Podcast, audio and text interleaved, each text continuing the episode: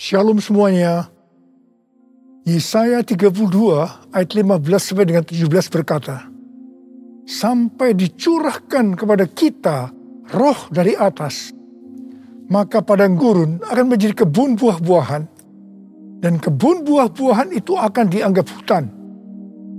Di padang gurun selalu akan berlaku keadilan, dan di kebun buah-buahan akan tetap ada kebenaran di mana ada kebenaran, di situ akan tumbuh damai sejahtera. Dan akibat kebenaran ialah ketenangan dan ketentraman untuk selama-lamanya.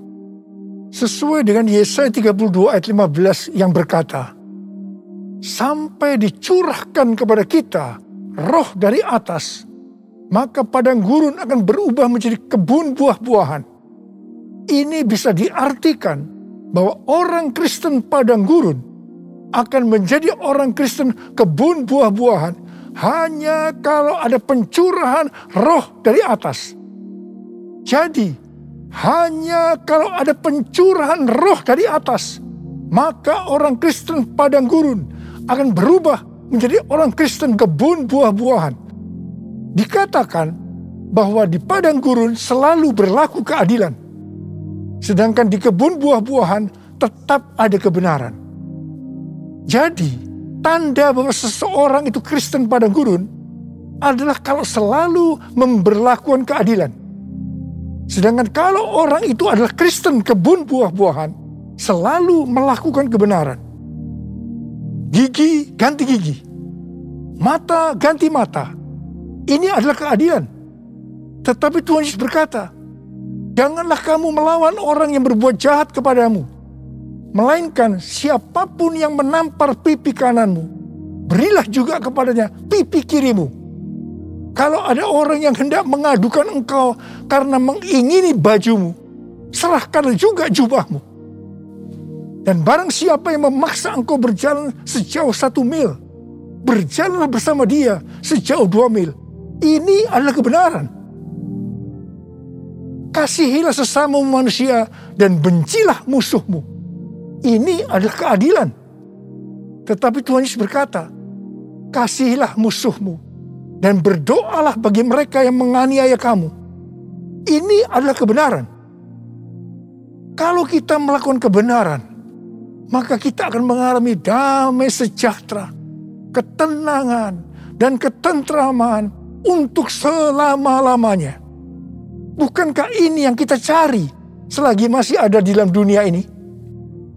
Karena itu kita harus selalu berdoa. Curahkan roh kudusmu ya Tuhan. Penuhi aku dengan rohmu. Supaya aku selalu melakukan kebenaran. Seperti yang dikatakan dalam Yohanes 4 ayat 23 dan 24. Bahwa Allah itu roh. Dan barang siapa menyembah dia. Harus menyembahnya dalam roh dan kebenaran. Karena itu, Bapa menghendaki, Bapa mencari penyembah-penyembah benar, yaitu mereka yang menyembah Bapa dalam roh dan kebenaran. Ingat, jangan sampai kita menyembah Bapa dalam roh dan keadilan.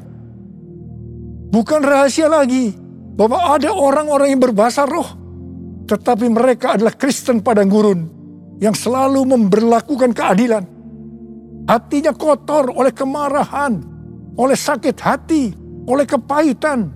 Ini bukan penyembah-penyembah benar. Ini bukan penyembah-penyembah yang dikehendaki oleh Bapa. Ini bukan penyembah-penyembah yang dicari oleh Bapa. Kalau kita adalah penyembah-penyembah benar yang menyembah Bapa dalam roh dan kebenaran, pasti penyembahan kita benar di hadapan Tuhan. Sesuai dengan 2 Timotius 2 ayat 3 sampai dengan 7. Maka kita sebagai orang percaya, yaitu penyembah-penyembah benar, juga diajak ikut menderita bersama Kristus. Sebagai seorang penyembah benar, yang pertama, kita diibaratkan sebagai seorang prajurit yang baik dari Tuhan Yesus Kristus. Seorang prajurit yang sedang berjuang tidak memusingkan dirinya dengan soal-soal penghidupannya. Supaya dengan demikian ia berkenan kepada komandannya. Di sini, sebagai penyembah benar, kita diajarkan bahwa prioritas utama kita adalah hidup berkenan di hadapan Tuhan. Hidup untuk menyenangkan hatinya Tuhan. Memikirkan soal-soal penghidupan adalah nomor berikutnya. Hal yang kedua, kita sebagai penyembah benar diibaratkan sebagai seorang olahragawan. Seorang olahragawan hanya dapat memperoleh mahkota sebagai juara apabila bertanding menurut peraturan-peraturan olahraga. Sebagai penyembah benar, kita tidak sekedar hanya masuk sorga, tetapi masuk sorga dengan mendapatkan mahkota. Katakan amin. Untuk itu, kita harus hidup berdisiplin sesuai dengan kebenaran firman Tuhan dan rela mengorbankan hal-hal yang menghalangi kita untuk mendapatkan mahkota, termasuk mungkin hobi-hobi kita. Yang ketiga, sebagai penyembah benar diibaratkan sebagai petani yang harus siap bekerja keras dalam pengharapan akan tuayan, meskipun dalam waktu yang relatif lama. Dalam Titus 3 ayat 8 dikatakan, kita harus berusaha sungguh-sungguh melakukan pekerjaan yang baik.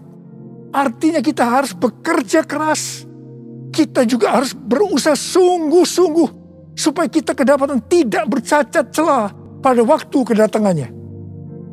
Untuk kita bisa mengerti akan semua hal ini, maka kita harus mengingat perkataan Rasul Paulus dalam 2 Timotius 2 ayat 7, yaitu Tuhan akan memberi kepadamu pengertian dalam segala sesuatu.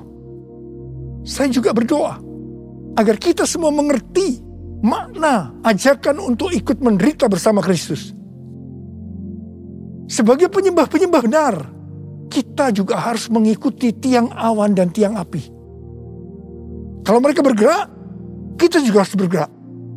Kalau mereka diam, kita juga harus diam. Pada waktu zaman Musa, tiang awan dan tiang api bisa dengan waktu yang lama berada di satu tempat. Tetapi ada kalanya hanya beberapa jam saja. Mungkin mereka kadang-kadang tidak bisa mengerti. Tapi satu hal yang mereka lakukan. Mereka taat untuk mengikuti gerakan tiang awan dan tiang api. Hal yang seperti ini yang juga kita harus lakukan sekarang dengan mengikuti tuntunan Roh Kudus. Bapa di surga, ku puji namamu. Bapa di surga, ku puji namamu. Ku cinta, ku puja, ku sembah selamanya. Bapa di surga, ku puji namamu. Bapa di surga, ku puji namamu Bapa di surga ku puji namamu Ku cinta, ku puja, ku sembah selamanya Bapa di surga ku puji namamu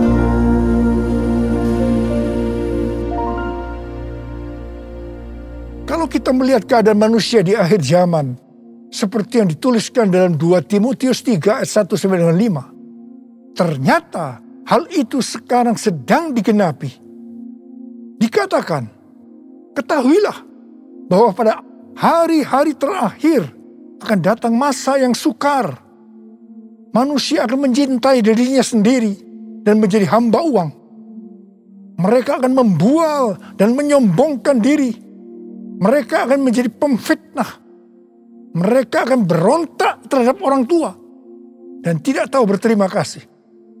Tidak memperdulikan agama, tidak tahu mengasihi, tidak mau berdamai, suka menjelekkan orang, tidak dapat mengekang diri, garang, tidak suka yang baik, suka mengkhianat, tidak berpikir panjang, berlagak tahu, lebih menuruti hawa nafsu daripada menuruti Allah.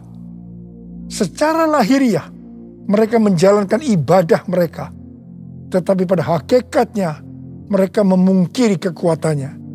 Jauhilah mereka itu. Mereka ini adalah orang-orang Kristen padang gurun. Karena itu sekali lagi hanya pencurahan roh yang dari atas. Yang artinya pencurahan roh kudus yang dahsyat dari Pentakosta ketiga. Sangat diperlukan hari-hari ini. Untuk menjadikan orang Kristen padang gurun. Menjadi orang Kristen kebun buah-buahan. Buku yang ditulis oleh Michael L. Brown yang diterbitkan pada tanggal 19 Oktober 2021 yang lalu dengan judul Revival or We Die. A Great Awakening is our only hope. Kebangkitan atau kita mati. Kebangunan besar adalah harapan kita satu-satunya. Buku ini berbicara tentang keadaan kekristenan di Amerika. Kesimpulan dari buku ini adalah sebagai berikut. Amerika diambang kehancuran. Harapan satu-satunya adalah lawatan kuasa dan hadirat Allah. Dr. George Barna merilis hasil survei tentang anak muda di Amerika pada tanggal 6 Juni 2021. Dikatakan bahwa pelayanan Kristen yang dipraktikkan oleh gereja dalam lima dekade terakhir tidak akan efektif untuk generasi anak-anak muda yang disebutkan sebagai generasi yang berbeda. Mereka ini tidak peduli terhadap bangsa Amerika. Meragukan sejarah dan fondasi bangsa. Mereka mahir dalam teknologi. Bebas secara seksual. Labil emosinya. Dan campur aduk kerohaniannya. Melihat semua ini. Sekali lagi saya katakan perlu adanya pencurahan roh dari atas, yaitu pencurahan yang dahsyat dari Roh Kudus di era Pentakosta ketiga ini. Kita patut bersyukur bahwa Tuhan membuat APT, yaitu Azusa Street Prayer Tower di Los Angeles, Amerika Serikat. Yang akan terus berdoa supaya pencurahan roh kudus yang dahsyat dari Pentakosta ketiga terjadi izin penggunaan tempat untuk EPT sudah keluar. Haleluya. Sekarang kita sedang mengajukan izin renovasi gedung. Ku mau selalu bersyukur, selalu bersyukur. Kau Tuhan yang setia, yang selalu menopang. Ku mau selalu bersyukur, selalu bersyukur. Kau Bapakku yang setia. Ku mau selalu bersyukur Selalu bersyukur. Kau Tuhan yang setia Yang selalu menopang. Ku mau selalu bersyukur Selalu bersyukur. Kau Bapakku yang setia. Kau Bapakku yang setia. Pada waktu murid-murid Tuhan Yesus menantikan pencurahan roh kudus di kamar loteng Yerusalem, di mana disebutkan sebagai Pentakosta yang pertama, dikatakan dalam kisah para rasul 1 ayat 14 bagian A, bahwa mereka semua bertek tekun dengan sehati dalam doa bersama-sama. Artinya mereka berdoa, memuji dan menyembah Tuhan dalam unity siang dan malam. Ini adalah prinsip restorasi Pondok Daud. Ini adalah prinsip menara doa. Setelah 10 hari mereka melakukan itu, roh kudus dicurahkan. Mereka dipenuhi roh kudus dengan tanda awal berbahasa roh setelah itu mereka dipakai Tuhan Yesus untuk melakukan amanat agung. Hari-hari ini di era Pentakosta ketiga kita harus melakukan hal yang sama yaitu berdoa, memuji dan menyembah Tuhan dalam unity siang dan malam supaya pencurahan Roh Kudus yang dahsyat dari Pentakosta ketiga terjadi. Sehingga amanat agung selesai. Dan setelah itu Tuhan Yesus datang kembali. Saya mempunyai kesaksian bagaimana dengan melalui unity terjadi gerakan doa yang mengakibatkan kebangunan rohani yang dahsyat. Pada tahun 2002, Ibu Bridget, seorang pendoa syafaat di tempat kita, mendapatkan suatu penglihatan. Dia melihat saya memakai jas di sebuah stasiun kereta api. Kemudian ada suara, change destination, change destination. Waktu penglihatan itu disampaikan kepada saya, saya mendapatkan pengertian bahwa akan terjadi perubahan dalam pelayanan saya. Ketika saya sedang bertanya-tanya kepada Tuhan tentang hal ini, tiba-tiba saya merasakan bahwa kemuliaan Tuhan yang membuat kita menjadi satu sesuai dengan Yohanes 17 turun ke atas saya.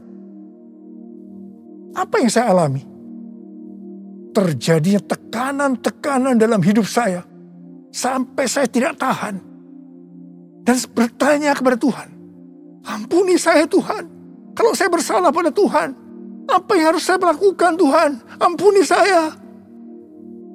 Tuhan menjawab. Niko, selama ini kamu sombong. Kamu arogan. Sekarang kamu harus melakukan dua hal. Yang pertama, turunkan nama gerejamu yang kau bangga-banggakan. Yang kedua, kamu harus meminta maaf kepada gereja-gereja lain. Mungkin selama ini dengan secara tidak sadar, karena pelayanan saya yang begitu sukses, membuat saya sombong dan membuat sakit hati gereja-gereja lain. Dengan tidak berpura-pura, artinya dengan tulus hati, saya melakukan apa yang Tuhan suruh. Di tengah-tengah saya melakukan itu, tiba-tiba roh rekonsiliasi turun. Ini terjadi antara saya dengan gereja-gereja lain dan juga di antara gereja-gereja itu. Setelah terjadi rekonsiliasi, maka roh doa turun melanda Indonesia.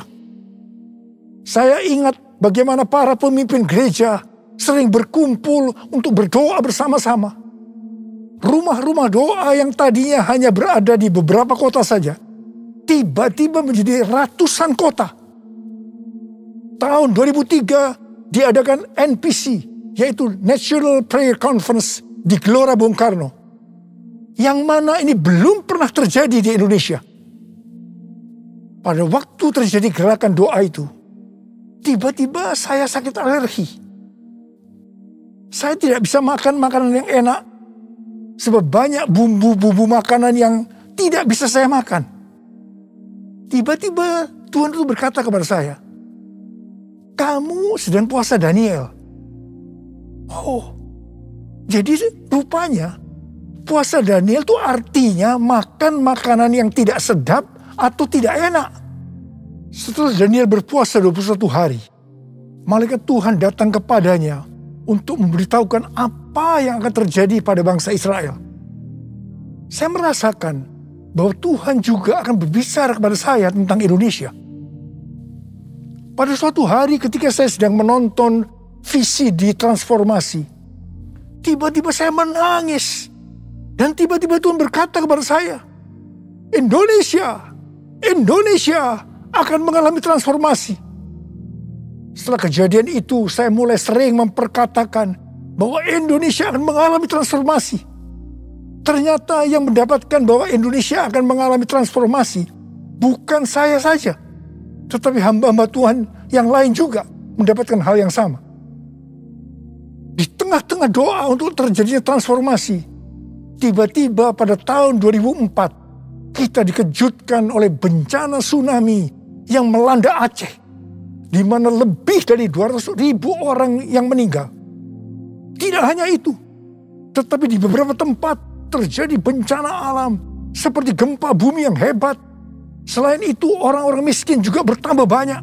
Saya berkata kepada Tuhan, Tuhan, katanya Indonesia mengalami transformasi. Tetapi mengapa terjadi hal-hal yang seperti ini? Tuhan tidak menjawab. Tetapi yang pasti banyak orang yang bertobat. Ini adalah suatu kebangunan rohani.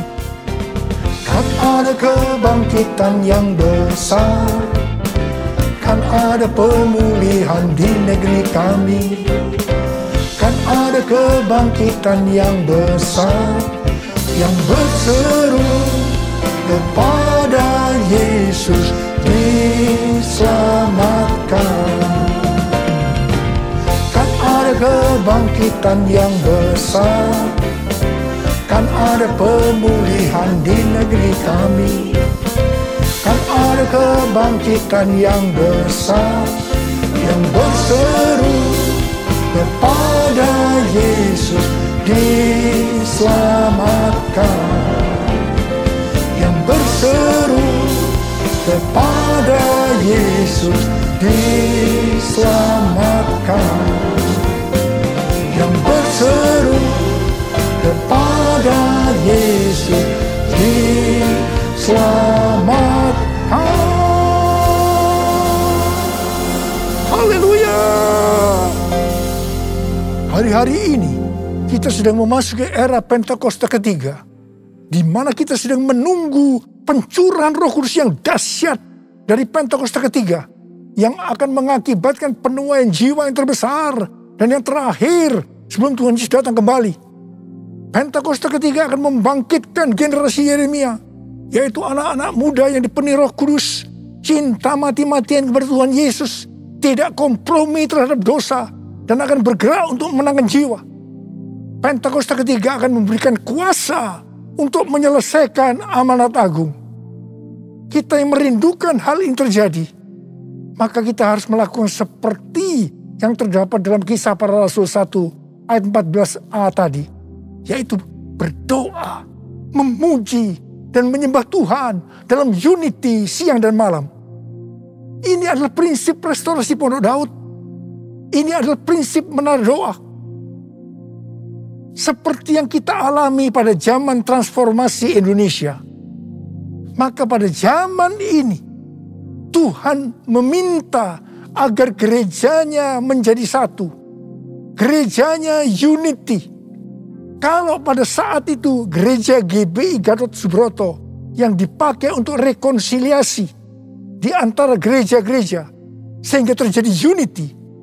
Maka hari-hari ini hal yang serupa Tuhan meminta agar gereja-gereja tidak hanya memikirkan dirinya sendiri.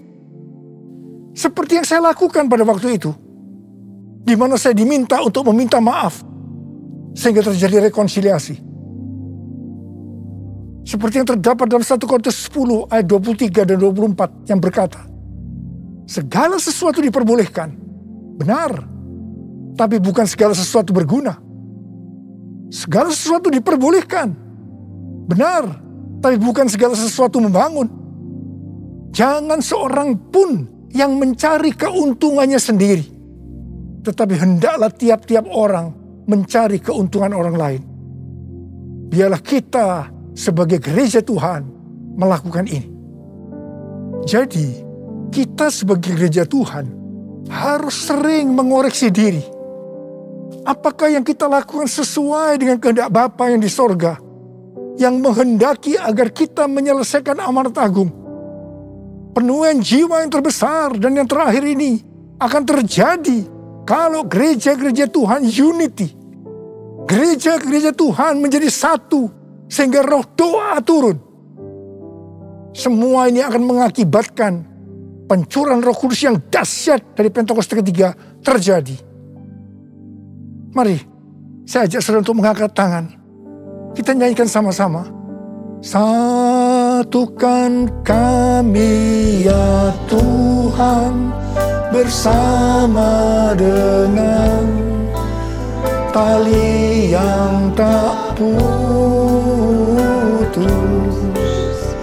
Satukan kami ya Tuhan bersama dengan kasih sempurna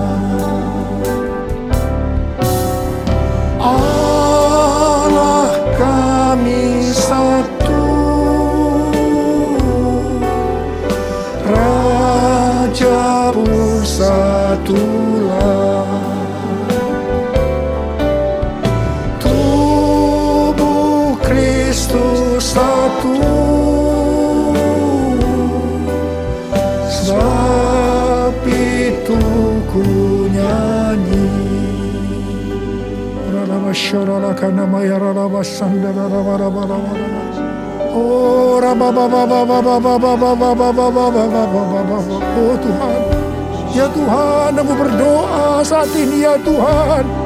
Jadikan gerejamu, gerejamu Tuhan menjadi satu unity ya Tuhan.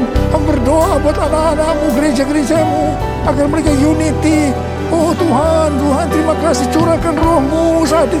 Curahkan rohmu, curahkan rohmu ya Tuhan. Curahkan rohmu. Orang-orang akan membuat hati kami menjadi lembut ya Tuhan. Oh oh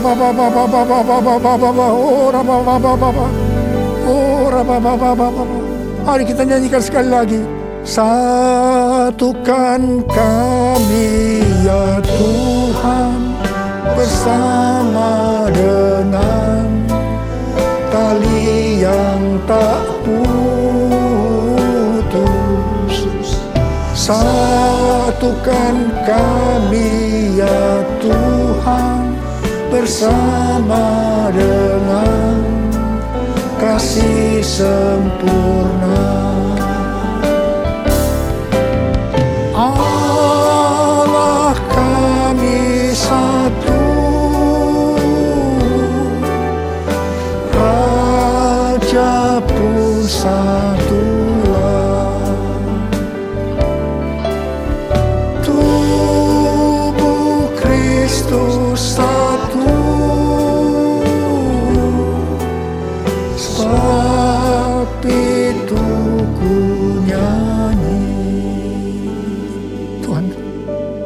Tuhan Yesus, Tuhan Yesus Engkau baik.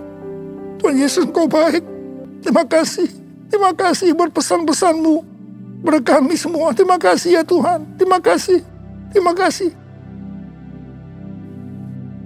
Dalam nama Yesus berdoa. Terima kasih. Amin. Saudara-saudara, kita akan masuk ke dalam perjamuan kudus. Kita akan mengingat ayat ini. Sebab setiap kali kamu makan roti ini dan minum cawan ini, kamu memberitakan kematian Tuhan sampai ia datang. Perjamuan kudus adalah perjamuan Tuhan Yesus sendiri. Setiap kali kita masuk dalam perjamuan kudus, Tuhan Yesus selalu berkata, biarlah ini menjadi peringatan akan aku. Karena itu mari arahkan hati kita kepada kebaikan Tuhan. Untuk mengingat kebaikan Tuhan.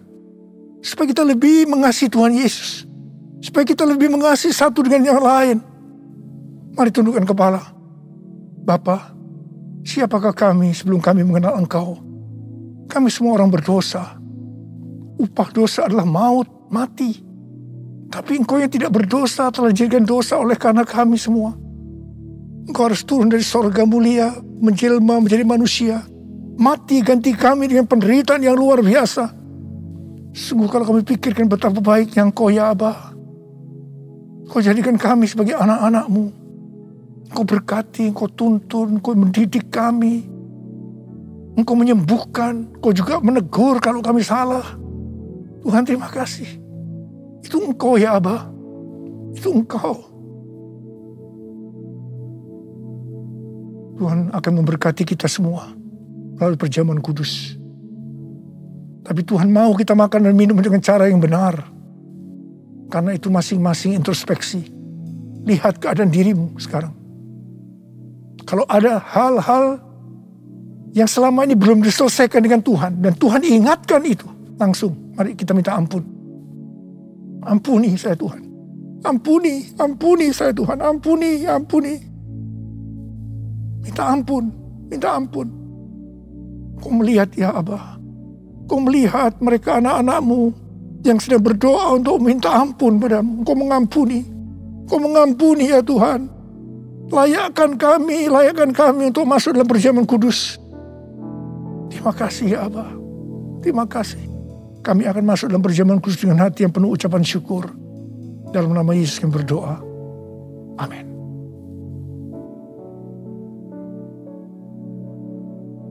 Mari. Angkat roti di tangan kanan saudara tinggi-tinggi. Sebab apa yang telah kuteruskan kepadamu telah aku terima dari Tuhan. Yaitu bahwa Tuhan Yesus pada malam waktu ia diserahkan mengambil roti. Dan sesudah itu ia mengucap syukur atasnya. Dia memecah-mecahkannya dan berkata, Inilah tubuhku yang diserahkan bagi kamu. Perbuatlah ini menjadi peringatan akan aku. Saudara dikasih Tuhan, bukankah roti yang kita pecah-pecahkan ini adalah persekutuan kita dengan tubuh Kristus? Mari kita makan dalam nama Yesus.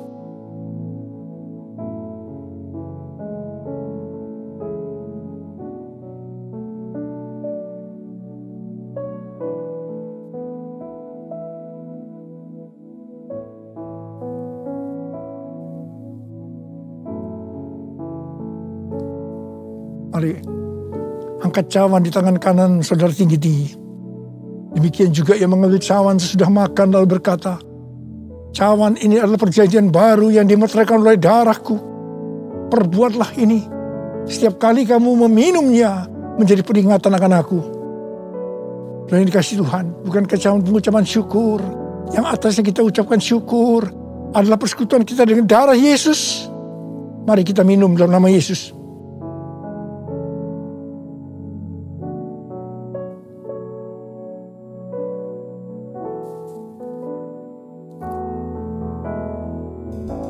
Angkat tangan kita di hadapan Tuhan. Ucapkan syukur. Dengan suara, jangan diam. Tuhan terima kasih. Tuhan terima kasih. Terima kasih ya Tuhan. Terima kasih. Oh terima kasih ya Tuhan. Terima kasih. bara bara bara bara bara bara Tuhan terima kasih. Tuhan terima kasih. Tuhan terima kasih. Tuhan terima kasih. Kami berdoa buat anak-anakmu. Ya Tuhan, kalau ada yang sakit, Engkau yang menyembuhkan mereka. Tuhan, mereka mempunyai bermacam-macam masalah. Engkau yang tolong mereka. Sembuh dalam nama Yesus. Terima mujizat Tuhan dalam nama Yesus. Dalam nama Yesus. Dalam nama Yesus. Sembuh dalam nama Yesus. Sembuh. Terima kasih Tuhan. Terima kasih. Terima kasih. Terima kasih. Terima kasih. Terima kasih. Terima kasih. Yesusku Terima kasih Yesusku. Puji syukur hanya bagi Tuhanku. Terima kasih Yesusku. Terima kasih Yesusku. Puji syukur hanya bagi Tuhanku. Terima kasih ya Tuhan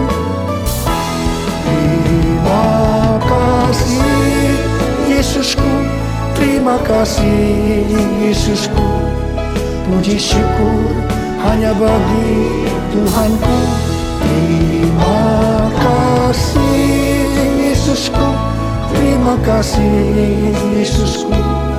Puji syukur hanya bagi Tuhanku. Puji syukur hanya bagi Tuhanku. Puji syukur hanya bagi Tuhanku. Terima kasih, terima kasih, terima kasih, terima kasih.